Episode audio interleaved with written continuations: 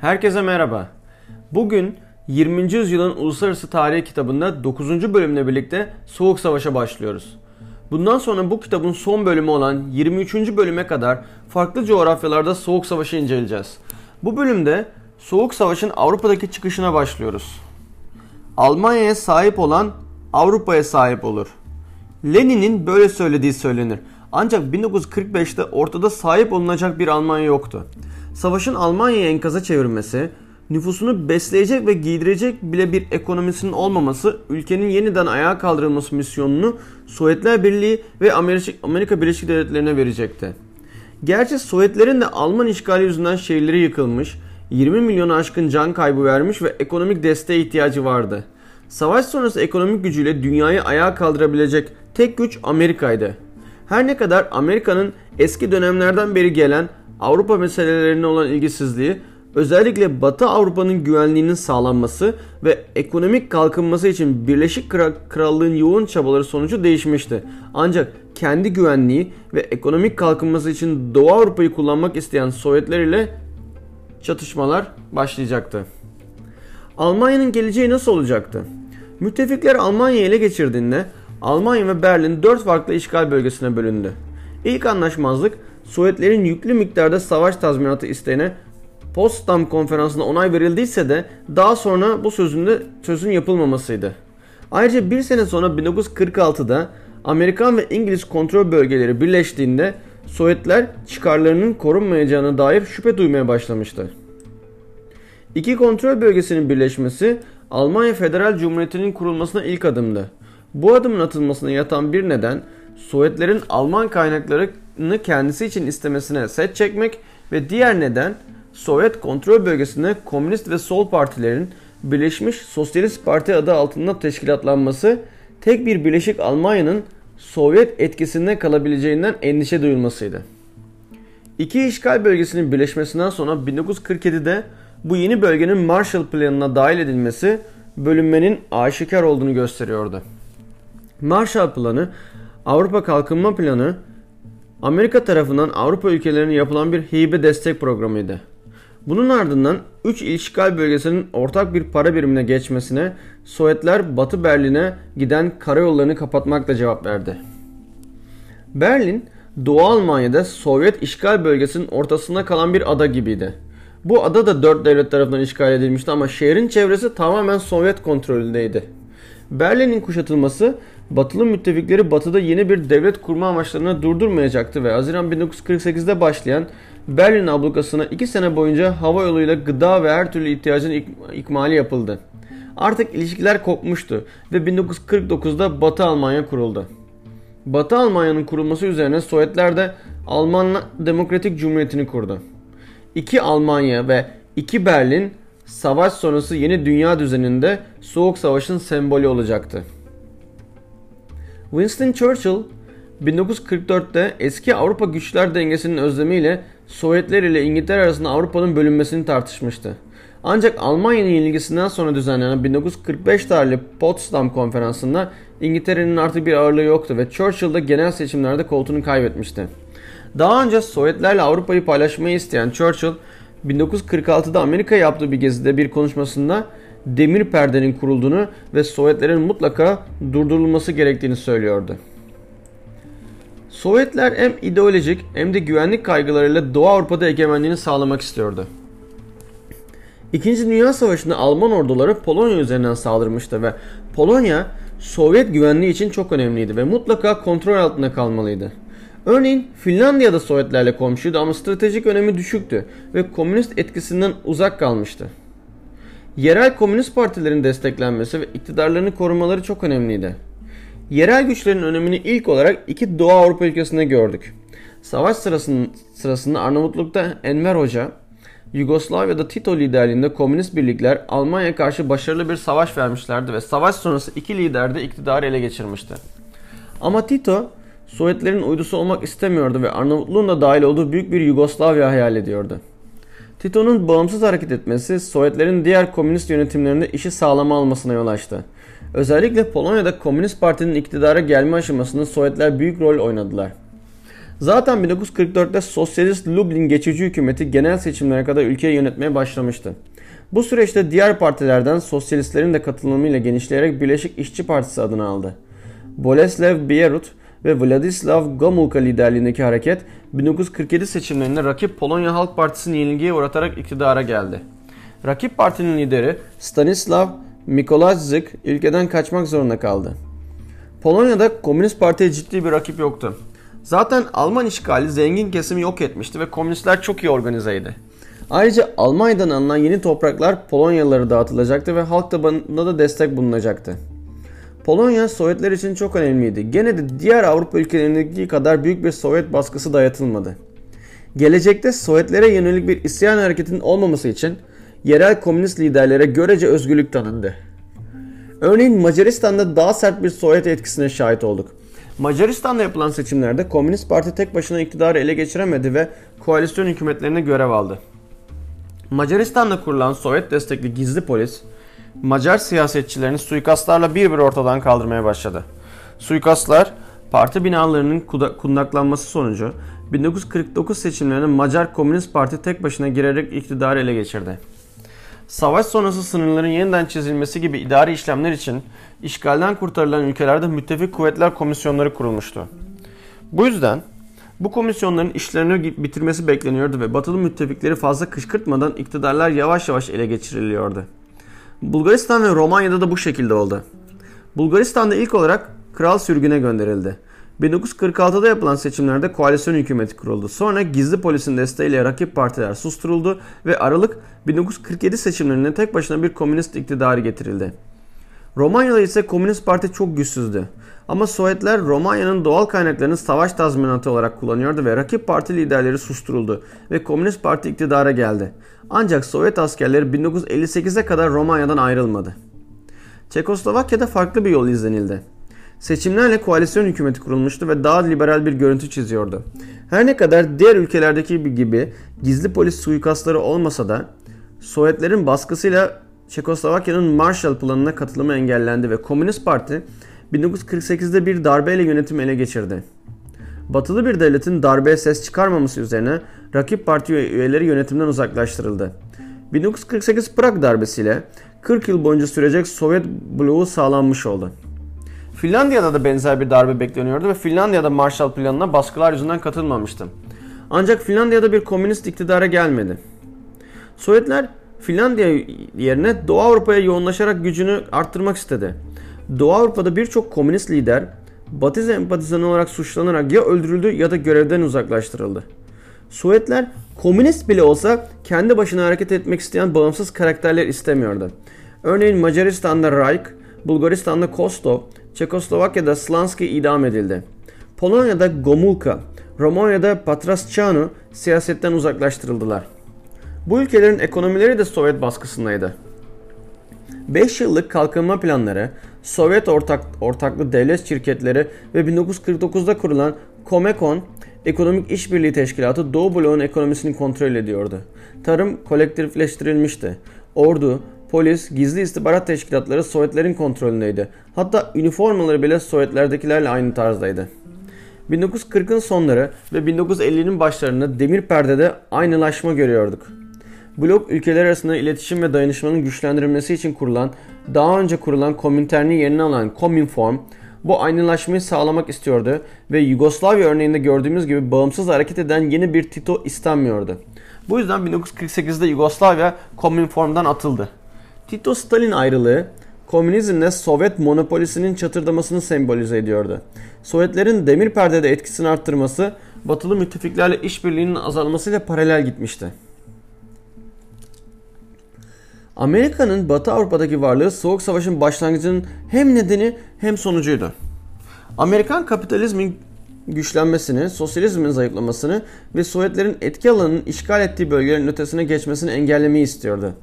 Amerika'da halen dünya politikalarından kendini uzak tutan, kendi içine kapanmayı savunan kesim güçlüydü. Bu yüzden Başkan Truman'ı hem iç hem de dış politikada zorlu bir mücadele bekliyordu. Dış politika uzmanları arasında görüş birliği yoktu ve dış politikada tecrübesiz olan Başkan Truman'ın doğru yönlendirilmesi gerekiyordu. 1946'da Moskova'da bir analist olarak çalışan George Kennan, uzun telegram dediğimiz çok uzun bir telgraf çekerek Sovyetlerin tehlikeli olduğunu, Sovyetlerin diğer komşu ülkeleri güçsüzleştireceğini ve Sovyet etkisinin Batı Avrupa'ya yayılarak Amerikan etkisinin bölgede yok edilmesini amaçladıklarını anlattı. Kennan'ın çizgisine yakın birçok uzmanın da bu mesajı desteklemesiyle Başkan Truman'ın dış politikasının yönü belli oldu. Kennan 1947'de Foreign Affairs dergisinde yayınladığı bir makalede containment terimini ortaya attı. Containment, Sovyet ve komünist tehlikenin yayılmaması için etrafının sarılması, Amerika'nın yardımıyla askeri, politik ve ekonomik olarak güçlü ülkelerin varlığı sayesinde Sovyetlerin genişlemesinin engellenmesini içeriyordu. Kennan'ın bakış açısı zaten mevcut Sovyet karşıtlığının yazıya dökülmüş haliydi ve Amerikan siyaseti Sovyetlere karşı sert bir politika istiyordu. İlk kriz Kuzey İran'daki Sovyet askerlerinin çekilmek istememesi üzerine çıktı. İngiltere ve Amerika'nın yoğun eleştirisiyle İran'da geri, at, at, geri adım atan, atıp askerlerini çeken Sovyetlerin Türkiye'den toprak talebi ve boğazların kontrolünü istemesiyle gerilim arttı. Amerika'nın İstanbul'a sembolik bir destek için gönderdiği Missouri zırhlısı Sovyetlere verilen bir mesajdı. Ayrıca Amerikan donanması Doğu Akdeniz'de görev yapmaya başlamıştı. Doğu Akdeniz'de ve Orta Doğu'da Sovyetlerin etkisini arttırması engellenmişti ve Sovyetler mesajı alarak Türkiye sınırına yığdıkları askerleri geri çekti. Bu iki olay gösterdi ki eğer Sovyetlere anladıkları dilden konuşulursa Sovyetler geri adım atıyordu. Batı Almanya'nın da Amerikan etki alanına girmesi ve İngiltere'nin gücünün artık kalmadığının belli olması Yunan İç Savaşı ile belli oldu. Sovyetleri sadece Amerika durdurabilirdi. 1944'ün sonunda Alman işgal birliklerinin Yunanistan'dan çıkmasıyla Yunanistan'da bir iç savaş patlak verdi. İngiliz desteğiyle ilk aşamayı kazanıp iktidarını koruyan kralcılar 1946'da Yugoslavya, Arnavut ve Bulgar desteğini alan komünistlerle tekrar çarpışmaya başladı. İngiltere ekonomisinin güçsüzleşmesi ve iç savaşta kralcıları desteklemeye gücünün yetmemesi üzerine İngiltere Amerika'dan yardım istedi. 12 Mart 1947'de Harry Truman, Amerikan Kongresi'ne yaptığı konuşmada komünizm tehlikesine karşı Yunanistan ve Türkiye'nin desteklenmesinin gerektiğini söyleyerek Truman doktrinini yaratmış oldu. Bu aynı zamanda tüm dünyada komünizmle mücadele edileceğinin mesajıydı. Ve Amerika dünya sahnesinde İngiltere'nin yerini alıyordu. Amerikan desteğiyle Yunanistan Krallığı 1949'da iç savaşı kazandı. Truman doktrininden birkaç ay sonra 5 Haziran 1947'de Marshall Planı ile Avrupa'nın ekonomik desteklenmesine başlandı. Marshall yardımlarıyla sadece ekonomik kalkınmaya yardımcı olunmamış, Fransa ve İtalya örneğinde olduğu gibi yükselişe geçen sol partiler durdurulmuştu ve aynı zamanda Amerikan şirketleri için gelişmiş pazarlar yaratılıyordu. Marshall yardımları başladığında Sovyetler bunun bir kapitalist bir girişim olduğunu söyleyerek ne kendilerinin ne de herhangi bir Doğu Avrupa ülkesinin bunun bir parçası olmayacağını belirtti. Marshall yardımlarının ekonomik katkısı tartışmalı da olsa siyasi katkısı büyüktü. Amerika'ya karşı büyük bir güven duygusu oluşmuştu ve Batı Almanya'yı da aralarına alarak birlikte hareket etmenin önemini anlamışlardı. Fransız Dışişleri Bakanı Robert Schuman 1950'de Batı Avrupa'nın kömür ve çelik rezervlerinin birlikte kullanılmasını önerdiği planı 1951'de Avrupa Kömür ve Çelik Topluluğu'nun kurulmasını sağladı. Fransa, Batı Almanya, İtalya, Belçika, Hollanda ve Lüksemburg kurucu üyelerdi. Bu topluluk 1957'de Avrupa Ekonomik Topluluğu adını aldı. Ekonomik işbirliğinin yanında askeri olarak da bir araya geldiler.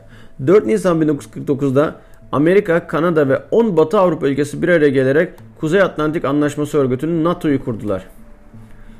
Amerika'daki izolasyonist politikaların terk edilmesini ve Amerika'nın Batı Avrupa'yı ve dünyayı savunacağının yazıya dökülmüş haliydi.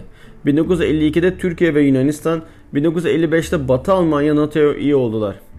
Aslında aynen ekonomik bir birliktelikte olduğu gibi bir Avrupa ordusu örgütü de kurulmak istenmişti. Amerika, ama Amerika'nın da yer aldığı bir NATO hem aralarındaki uyuşmazlıkların dengelenmesi hem de Amerika'nın güçlü varlığı ile daha tercih edilebilirdi. Bu yüzden NATO tercih edildi. Ağustos 1949'da Sovyetler Birliği ilk atom bombası denemesini başarıyla gerçekleştirdi. Amerika, dünyadaki tek nükleer güç olma egemenliğinin sona ermiş oluyordu. 1949'da Mao Zedong liderliğinde Çin Halk Cumhuriyeti kuruldu ve Sovyetlerle işbirliği anlaşması yaptı. Asya kıtası kızıla bürünmüştü. Amerika tepki olarak Japonya'yı, Tayvan'da kurulan Milliyetçi Çin hükümetini ve Avrupa'nın kalan sömürge topraklarını desteklemeye başladı. Bu gelişmeler üzerine Başkan Truman, ulusal güvenlik politikasının gözden geçirilmesini ve hidrojen bombasının yapım emrini verdi. NSC 68 dediğimiz belgeye göre dünya komünist devletler ve Amerika'nın liderliğinde özgür devletler olarak iki kampa bölünmüştü ve Amerika dünyanın herhangi bir noktasında savaşa hazırlıklı olmalıydı ve savaşmalıydı. Bu aşırı öğeler içeren belgenin iç politikada etkisi 1950'ler boyu süren McCarthyizm dediğimiz sözde komünist cadı avıydı. Yüzlerce hükümet çalışanı, Hollywood yazarları, oyuncuları, profesörler, öğretmenler, devlet memurları herhangi bir delile dayanmadan sadece şüphe üzerine komünist olduğu gerekçesiyle soruşturuldu ve görevlerinden uzaklaştırıldı. NSC 68 belgesi için çok büyük bir savunma bütçesinin ayrılması ve yeni vergiler anlamına geliyordu. Kimse fanteziler üzerine para harcamak istemiyordu. Tam da bu anda Kore Savaşı patlak verdi.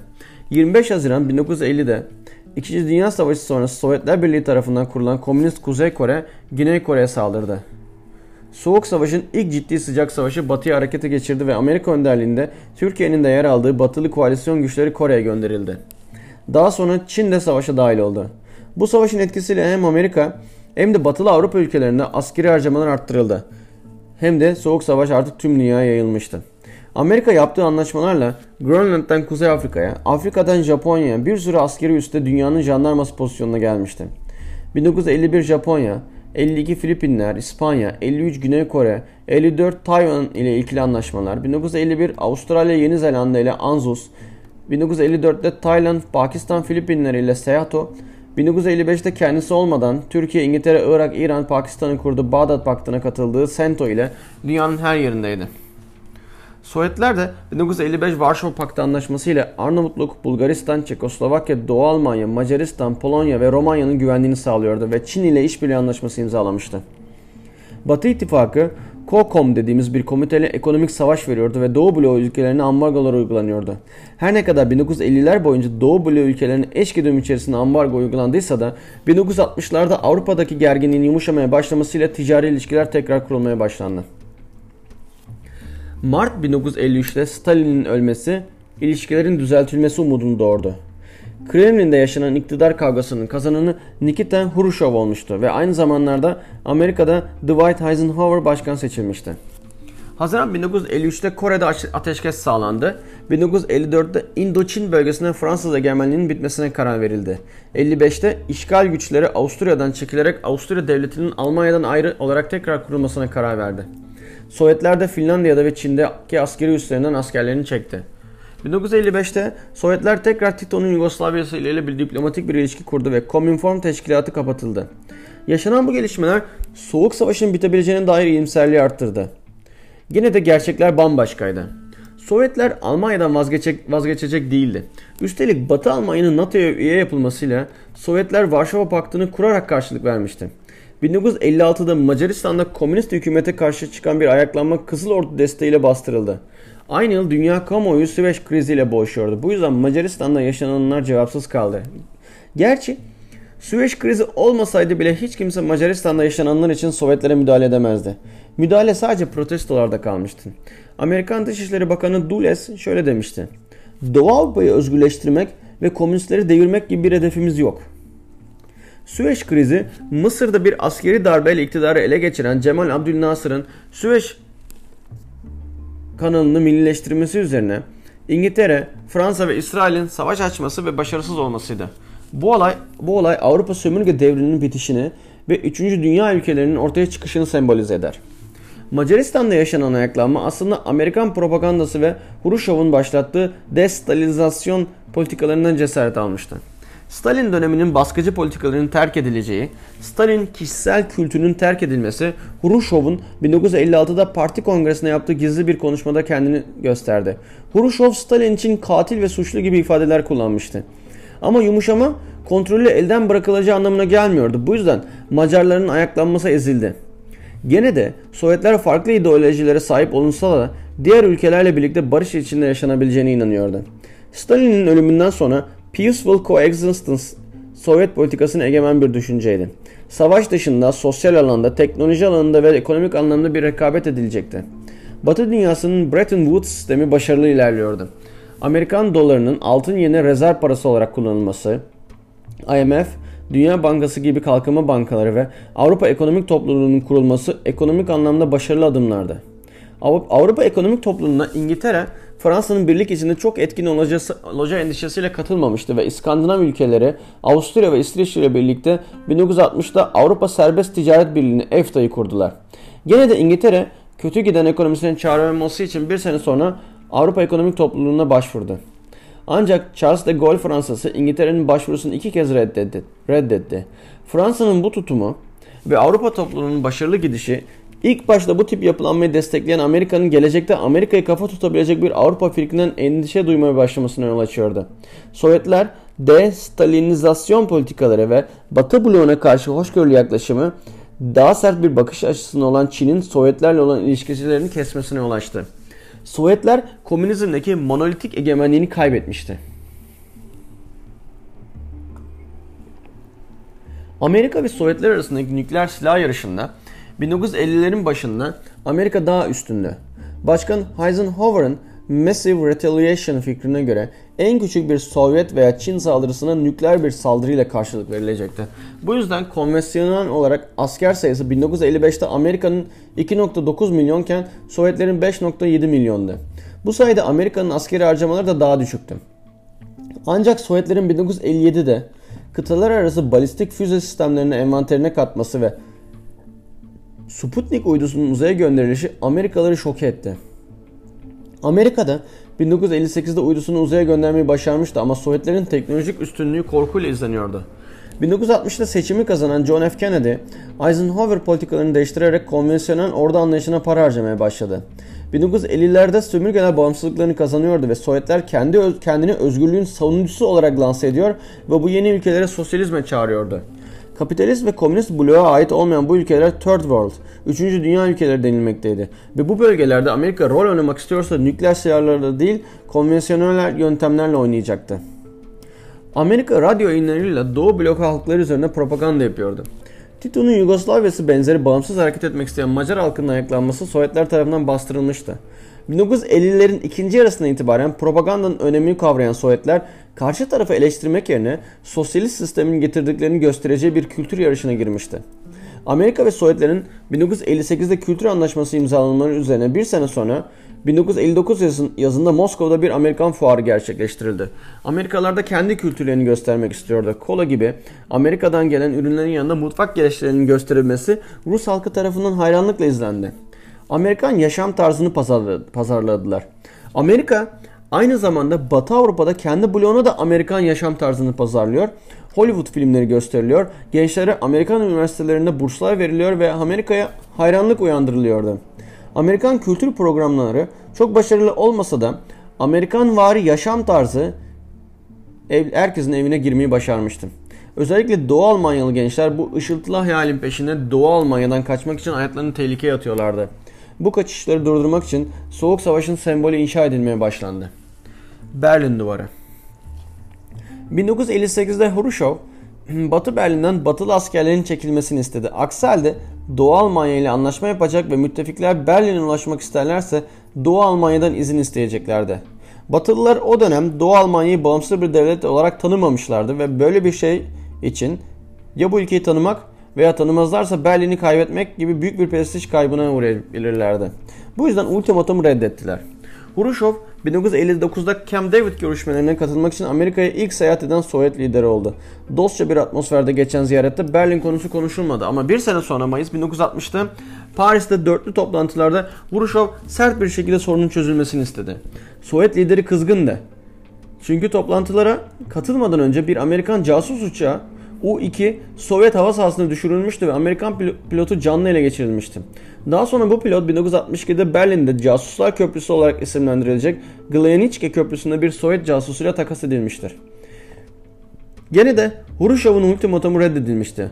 Ancak her iki tarafta aslında bu konu için savaşmak istemiyordu.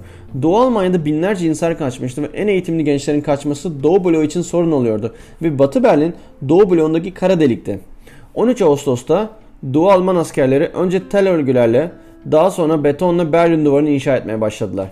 Batı Berlin'in etrafı duvarlarla örüldü ve geçişler kontrollü olarak birkaç kontrol noktasından yapılmaya başlanacaktı. Bu çözüm her iki tarafı için de savaştan kaçınmanın ve statükoyu kabullenmenin sembolü oldu. Kısa vadede sorun çözülmüştü. Uzun vadede bu duvar Batı tarafından demir perdenin sembolü olarak propaganda malzemesi olarak kullanıldı ve komünizm aslında bir hapishaneydi. Bu bölümün sonuna geldik. Şu ana kadarki ve bugünkü bölümü 20. yüzyılın uluslararası tarihi kitabından inceledik. Bir sonraki 10. bölümde aynı bu kitabımızdan Asya kıtasında Soğuk Savaş'ın başlangıcını, Çin İç Savaşı'nı ve Komünist Çin'in iktidara gelişini, Hindistan ve Güneydoğu Asya bağımsızlık mücadelelerini ve Kore Savaşı'nı inceleyeceğiz. Aynı zamanda yeni bir akademik kitabı başlıyoruz. Cambridge Soğuk Savaş Tarihi 1. cilt Soğuk Savaş'ın başlangıcında 1945 ile 1962 yılları arası dönemi birbirinden güzel 23 makaleyle derinlemesine inceliyoruz. Bugünkü bölümü beğendiyseniz eş zamanlı devam edecek yeni serimizi takip etmeyi unutmayın. Beni dinlediğiniz için teşekkürler.